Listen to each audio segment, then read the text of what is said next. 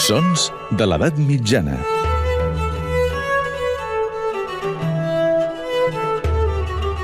Amb Maria Montes.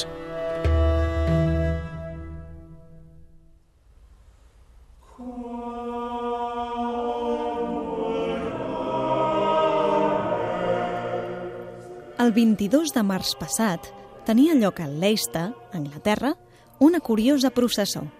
Era un seguici fúnebre, auster, i va ser seguit per milers de persones. La causa de tanta expectació es trobava dins el fèretre, les restes del rei Ricard III d'Anglaterra, mort l'any 1485 i les restes del qual van aparèixer ara fa dos anys durant les obres de construcció d'un aparcament. Cinc segles després han rebut sepultura.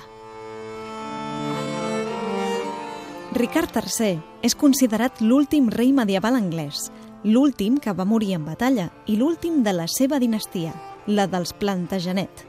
Un llinatge que havia donat noms com el de Leonor d'Aquitània, sempre lligats a la cultura i que durant els 200 anys que va controlar territori anglès va transformar-lo en un dels regnes més madurs d'Occident. I és que, a finals del segle XV, Anglaterra va esdevenir origen dels músics que marcarien el desenvolupament de la música europea del primer renaixement, amb personatges com John Dunstable, Lionel Power o Walter Fry. El regnat de Ricard va ser molt curt, de només dos anys, i va començar amb sospites d'assassinat. El monarca prenia el tron després de la desaparició de dos nens. Eren els que avui coneixem com els prínceps de la Torre, nebots del mateix Ricard, anteriors a ell en la línia successòria i que ell era l'encarregat de protegir. Després que entressin a la Torre de Londres, amb l'excusa de ser protegits, no se'ls va veure mai més. Ricard, així, es convertia en rei. Al final del seu regnat va arribar amb l'anomenada Batalla de les Roses, concretament a la batalla de Bosworth Field, on, havent caigut del cavall enmig de la lluita, va perdre el casc i va ser mort a cops. Shakespeare va ser el responsable de la cèlebre frase imaginada que Ricard hauria pronunciat abans de morir. Un cavall, el meu regne per un cavall.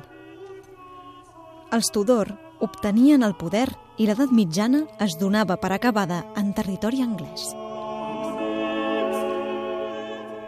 La tragèdia de Shakespeare va ressaltar la immoralitat i deformitat del personatge, i la història oficial ha prorrogat aquesta visió fosca del monarca, sobre la qual sembla que encara queden molts fets per demostrar.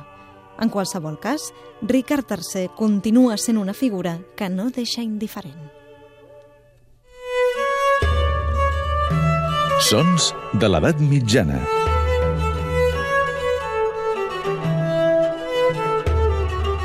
Amb Maria Montes.